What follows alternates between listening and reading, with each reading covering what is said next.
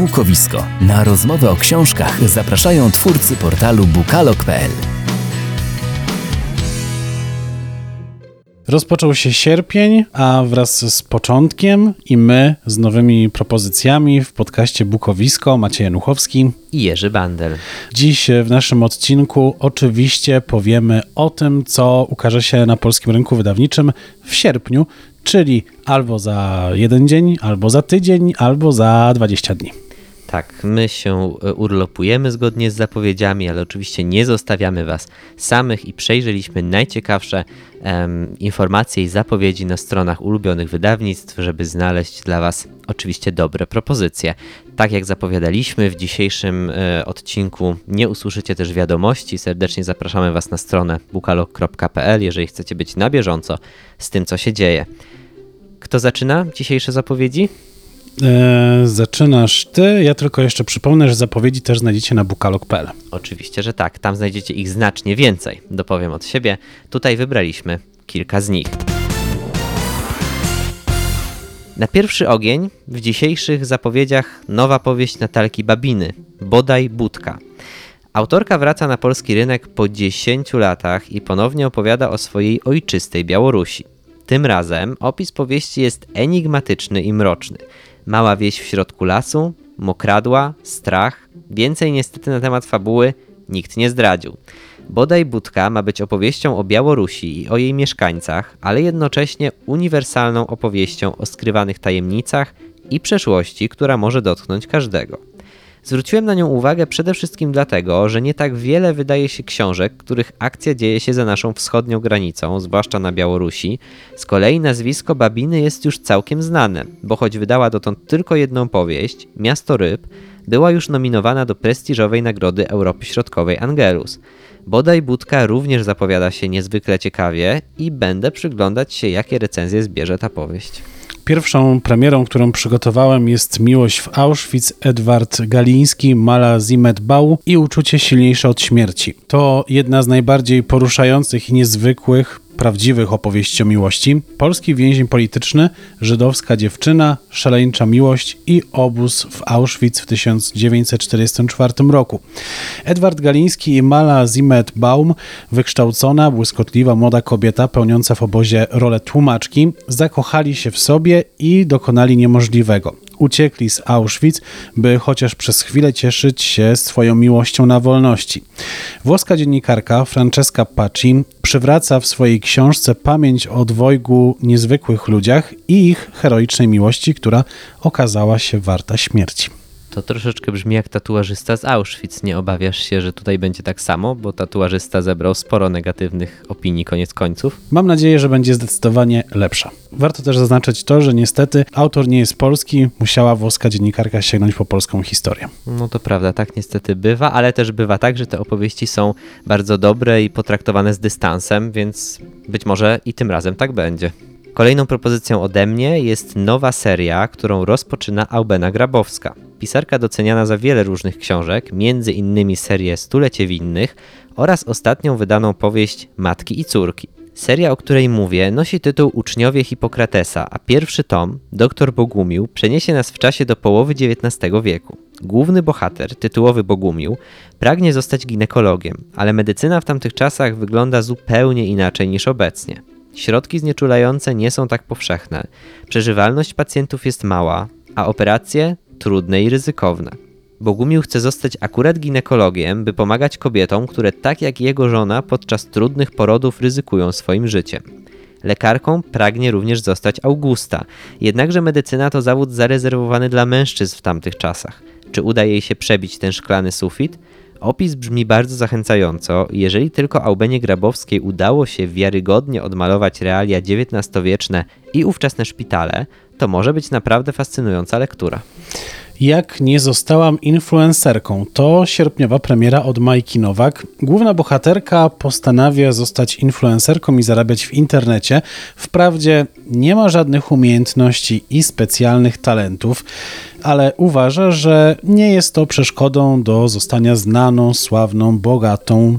Ma jednak narzędzia, telefon i komputer, nie zawaha się ich użyć, Uwaga, w świecie mediów społecznościowych, szczególnie Instagrama, nasza bohaterka nadchodzi, by cię zdobyć. Czy może pójść coś nie tak? O tym przekonacie się w ponoć najzabawniejszej powieści tego roku. Oj, wyczuwam tutaj um, Podobieństwo do Tak, Instastory. dokładnie, podobieństwo do Instastory i już jestem ciekaw naszej dyskusji na temat tych dwóch powieści, kiedy będziemy je porównywać. Ja też jestem bardzo ciekawy. Zobaczymy, y, czy faktycznie tym razem opis jest zgodny z fabułą. Tak, jeżeli chcecie dowiedzieć się więcej o Instastory, powieści, która ukazała się pod naszym patronatem medialnym i dlaczego mówimy, że opis nie jest do końca zgodny z jej treścią, to zapraszamy do recenzji, które na stronie i na kanale już się znajdują. A teraz ostatnia propozycja ode mnie. Na pewno zainteresuje po pierwsze fanów klasyki literatury, a po drugie miłośników literatury francuskiej. Wydawnictwo Pruszyński i Spółka zdecydowało się wydać ostatnią, dotąd nieopublikowaną nigdy w Polsce powieść Romana Garego, dwukrotnego laureata Nagrody Goncourtów. Latawce opowiadają historię z czasów II wojny światowej. Wszystko zaczyna się od powoli rozkwitającej pomiędzy Ludo i Lilą miłości. Młodzi mieszkają w małej wsi w Normandii. Niestety ich dopiero rozpoczynający się związek przerywa wybuch wojny i Lila zmuszona jest wyjechać. Ludo musi porzucić dotychczasowe życie, by udać się na poszukiwanie ukochanej. Jestem pewien, że latawce, tak jak inne powieści Garego, pełne będą emocji, niezapomnianych bohaterów i miłości. I bardzo jestem ciekaw tej książki. Premiera już 18 sierpnia. Z kolei nieco wcześniej, bo jutro, swoją premierę będzie miała książka Znamie Olgierda Churka. Jest to propozycja dla fanów kryminałów. Joanna Szymalak, prawniczka renomowanej kancelarii, pewnego dnia nie pojawia się w pracy, znika bez śladu. Prowadzone przez policję śledztwo nie daje rezultatów, tymczasem szef kancelarii Michał Tumski odkrywa przekręt mający doprowadzić do wrogiego przejęcia firmy deweloperskiej, której sprawy prowadziła Joanna. Michał wstępuje na wojenną ścieżkę z konkurentem zagrożonej spółki, lecz nie docenia przeciwnika, który z żelazną konsekwencją realizuje swój wielki giełdowy plan. Następuje ciąg fatalnych wydarzeń. Okazuje się, że w pewnych kwestiach prawdopodobnie wszyscy się mylili. Tradycyjnie przed nami teraz dwie dłuższe recenzje. Pierwszą przygotował dla Was Maciej. Oddaję Ci głos. Dziękuję bardzo. Czasem zdarza się tak, że najlepsze relacje mamy z osobami, które nie są nam biologicznie najbliższe. Czyli mówiąc wprost i prościej, nie są naszymi rodzicami. Z kolei często zdarza się, że mamy świetne relacje z babciami, z dziadkami. O takiej właśnie konfiguracji Wnuk babcia jest książka Chciałbym nigdy cię nie poznać Wiktora Krajewskiego. Dziadkowie generalnie zajmują ważne miejsce w naszym życiu zawsze. Wydaje mi się to naturalne, więc co jest wyjątkowego akurat w tej relacji? Przede wszystkim jest to intymna opowieść o miłości, jaką darzył swoją babcię autor. Pewnie nadal jest głęboko w jego sercu, choć od 10 lat babcia nie żyje. Przede wszystkim też dowiadujemy się tego, co taka relacja daje, a co odbiera. Jego kontakty z matką były raczej chłodne, a z babcią za to bardzo gorące i takie właśnie matczyne. Nie było takiej rzeczy, której nie otrzymałby od niej, i też nie było takiego problemu, którego ona nie potrafiłaby rozwiązać. To historia relacji, która nieświadomie zostawia w nas ciche słowa, drobne gesty i sceny wdzięczności, które niesiemy potem w sobie przez całe życie. Czas mija, a te ślady ma w sobie każdy z nas, tak przynajmniej przedstawia to autor. Szczególnie kiedy ta osoba odchodzi na zawsze, choć obiecała, że nigdy nie umrze. To z jednej strony jest bardzo wzruszające, a z drugiej brzmi trochę tak, jakby autor się nie mógł pogodzić ze stratą babci, mimo że minęło tyle lat, a mimo wszystko jakoś jednak powinniśmy przeżyć żałobę. I tak trochę jest. Nie bez powodu ta książka powstała. Przede wszystkim jest to rodzaj opowiedzenia swojej historii. Nie każdy jest gotowy lub na tyle odważny, by używać do tego mowy. Papierowy przekaz może być bezpieczniejszą formą otworzenia się przed ludźmi, szczególnie tymi, których nie znamy. Po drugie, relacja babcia-wnuk jest tak naprawdę tylko konkretnym przykładem uniwersalnej prawdy, a dotyczy ona ważnych dla nas osób, które mają w nasze życie olbrzymi wkład. Może to być tęsknota za przyjacielem, żoną, mężem, rodzicem albo i dzieckiem. Ból i tęsknota pozostaje, niezależnie kogo podstawimy. Krajewski w swojej powieści potwierdza, że czas leczy rany? Patrząc na to powiedzenie przez pryzmat tej książki, to nie do końca jest prawda. Wspomnienia o tej ważnej osobie, nawet te bardzo optymistyczne, ciągle sprawiają ból, bo autor ma świadomość, że tej osoby już nie ma z nimi, nigdy nie zrobią niczego wspólnie. On też nie może na nią liczyć w, w żadnej kwestii. Niemniej jednak te wspomnienia w przypadku relacji babci z wnukiem są naprawdę wzruszające. Starsza kobieta rzeczywiście chciałaby świat dla jej wnuczka był najlepszym miejscem na ziemi. Czasem można się popłakać. Jak najbardziej zapamiętam wspomnienie mówiące o tym, że babcia oglądała za chłopaka w sobotę rano bajkę czy jakiś dziecięcy program, a potem opowiadała mu przy śniadaniu, co się wydarzyło. Chłopiec nie lubił się wcześniej zrywać, jeżeli nie musiał iść do szkoły, czyli zupełnie tak jak ja. Zanim padła propozycja tego układu, to nie wiedział, o czym dyskutują na podwórku rówieśnicy i czuł się wyalienowany. Chciałbym nigdy Cię nie poznać, Wiktora Krajewskiego. To książka przede wszystkim o tym, by być wdzięcznym za wspaniałych ludzi na naszej drodze i doceniać ich każdego dnia, by szczególnie w tej codziennej gonitwie o nich nie zapominać. Ja w mojej dzisiejszej recenzji chciałbym krótko przypomnieć Wam i przybliżyć tym razem zbiór opowiadań Nadzieja, bo to wyjątkowa książka, która miała swoją premierę w lipcu, a teraz i ja ją mam i mogę coś więcej o niej opowiedzieć. A kojarzę ten, to wydawnictwo, to ten zbiór, który został opracowany i wydany mm, charytatywnie przez wydawnictwo Agora. Dokładnie ten. Przy okazji pandemii Agora wpadła na pomysł, jak wspomóc domy opieki i inne ośrodki pomocy dla osób starszych, które zostały dotknięte koronawirusem. Kilkudziesięciu polskich autorów stworzyło opowiadania i nie tylko, o czym zaraz, które zostały zebrane w jeden tom. Co prawda nie wszystkie one powstały teraz na zamówienie wydawnictwa, bo znajdują się tu też teksty starsze. Co szczególnie warte zauważenia, wszystkie osoby zaangażowane w proces przygotowania książki pracowały społecznie, w tym korektorzy, redaktorzy, graficy, a także drukarnia Abedik i dystrybutorzy książki. Natomiast cały dochód z jej sprzedaży zostaje przeznaczony na dofinansowanie wspomnianych domów opieki. A co miałeś na myśli mówiąc, że w książce nie są tylko opowiadania, bo wydawało mi się, że to właśnie miał być zbiór opowiadań. Tak, i w większości tak jest, ale nie był to warunek konieczny, jak się okazuje, podczas zgłaszania tekstów. W nadziei znalazły się również wiersze, m.in. Ewy Lipskiej i Jacka Denela, a nawet komiks, który napisała Joanna Bator, a narysował Przemysław Truściński. Z kolei Wiesław Myśliwski zamieścił w zbiorze swoje przemówienie z okazji otrzymania tytułu doktora honoris causa na Uniwersytecie Opolskim. Różne formy, to w takim razie, czy te wszystkie teksty rzeczywiście trzymają się tematu przewodniego? Przypomnę, jest to tytułowa nadzieja.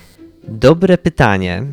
Yy, moim zdaniem nie do końca, chociaż jest wiele prawdy w tym, co piszą we wstępie do książki Jarosław Mikołajewski, Paweł Goźliński i Michał Nogaś, że zbyt łatwo przywiązujemy się do oczywistego znaczenia pewnych pojęć, w tym wypadku nadziei.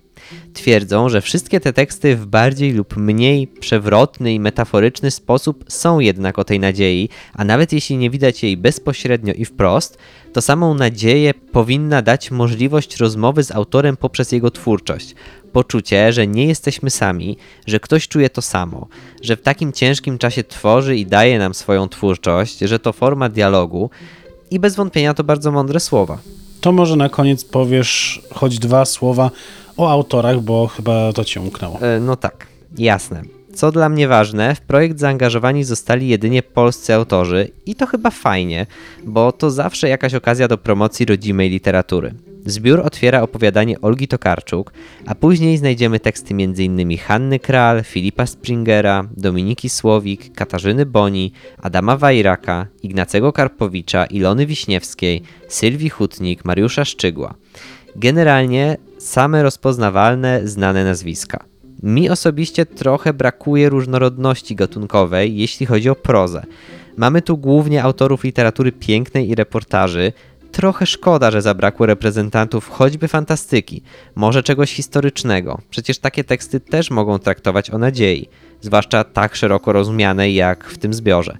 Uważam, że mm, taki tom oprócz szczytnego celu, mm, który jest poza dyskusją, może też promować różnych autorów i całkiem niewykluczone, że ktoś, kto kupi go dla opowiadania, dajmy na to Tokarczuk, zainteresuje się mniej znanym twórcą zupełnie innego gatunku i na odwrót.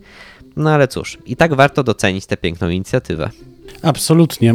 To już od siebie dodam, że w związku z tym zachęcam Was do zakupu książki. Możecie go dokonać w sklepie internetowym wydawnictwa Agora, również w Empiku albo w formie e-booka na publio.pl. Wszędzie on kosztuje tyle samo, czyli 50 zł.